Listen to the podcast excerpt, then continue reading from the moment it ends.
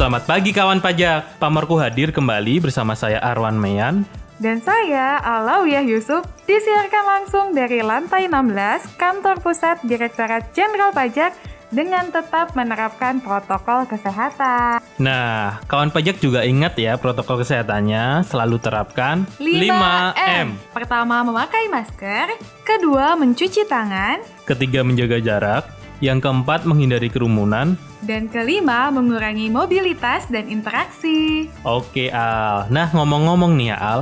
Aku sempat denger nih pemerintah udah melonggarkan aturan pakai masker. Betul nggak sih? Betul sih Wan, tapi ini tuh untuk masyarakat yang sedang beraktivitas di luar ruangan atau di area terbuka yang tidak padat orang aja nih. Oh gitu. Betul, jadi kalau kegiatannya masih di ruangan tertutup atau di transportasi publik tetap harus pakai maskernya ya.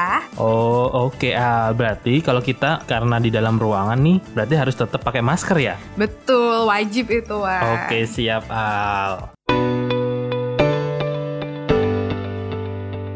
Berita pertama minggu ini yaitu Aksi demo memperingati Hari Buruh Internasional atau May Day berlangsung pada tanggal 14 Mei 2022 di gedung DPR MPR dan kawasan Gelora Bung Karno atau GBK Jakarta. Presiden Konfederasi Serikat Pekerja Indonesia atau KSPI mengatakan bahwa ada empat serikat buruh yang turut serta dalam demo kali ini. Keempatnya adalah Partai Buruh, Konfederasi Serikat Pekerja Seluruh Indonesia atau KSPSI, Konfederasi Serikat Buruh Sejahtera Indonesia, atau KSBSI dan Konfederasi Persatuan Buruh Indonesia atau KPBI. Wah, banyak juga ya yang ikut demo kali ini.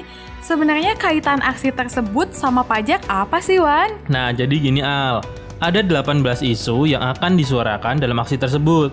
Dan salah satu isunya yaitu terkait dengan penolakan kenaikan pajak pertambahan nilai atau PPN. Wah, kenaikan PPN ini memang masih menimbulkan pro dan kontra ya. Hmm. Bukan hanya ini sih, banyak juga kebijakan lain yang mungkin belum diterima masyarakat. Nah, itulah hal yang penting negara ini tetap menjadi negara demokratis ya. Dan pemerintah tetap mau menerima aspirasi rakyat dan rakyat juga turut serta melihat sisi positif dari suatu kebijakan.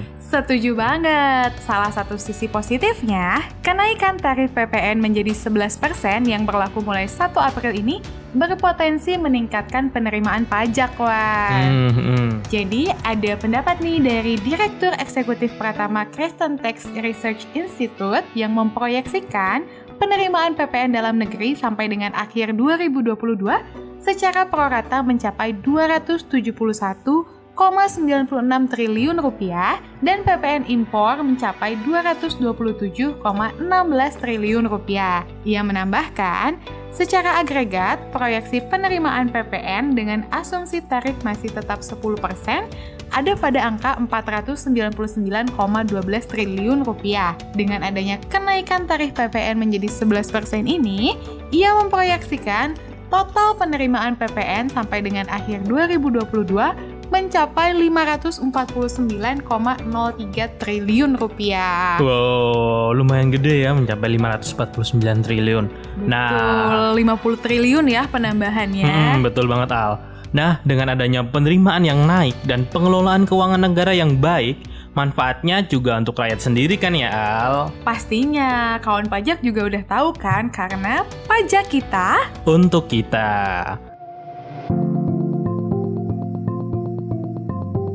Masih seputar potensi penerimaan sih. Pemerintah optimistis upaya untuk mengembalikan defisit fiskal ke bawah level 3% terhadap produk domestik bruto atau PDB tahun depan. Kemudian nih, Bu Menteri Keuangan Ibu Sri Mulyani juga menyampaikan terdapat penambahan penerimaan negara sebesar 420,1 triliun rupiah pada APBN tahun 2022.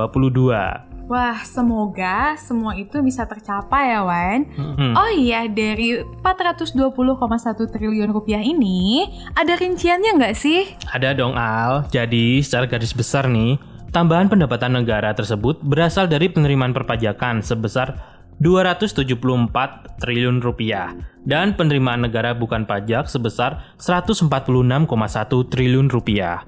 Dan dengan adanya tambahan potensi tersebut, outlook pendapatan negara tahun ini akan mencapai 2.266,2 triliun rupiah. Banyak juga ya outlook penerimaannya, semoga semua itu bisa tercapai. Oh iya nih, nggak bosen nih kita mau ngingetin kalau program pengungkapan sukarela udah hampir berakhir, Wan. Oh iya, akhir Juni ya. Betul, tinggal Satu, bulan, lagi. Dan bagi wajib pajak yang belum mengungkapkan hartanya nih ya, yuk segera manfaatkan PPS ini. Jangan sampai nanti menyesal ya. Betul, kita manfaatkan sebaik-baiknya program ini untuk dapat menambah penerimaan negara. Dan pastinya bisa menghindari sanksi juga. Betul sekali Al. Oke kawan pajak, sekian dulu berita pamorku minggu ini. Tetap update berita perpajakan setiap minggunya melalui Pamorku, podcast berita kesayangan kita semua. Sampai jumpa.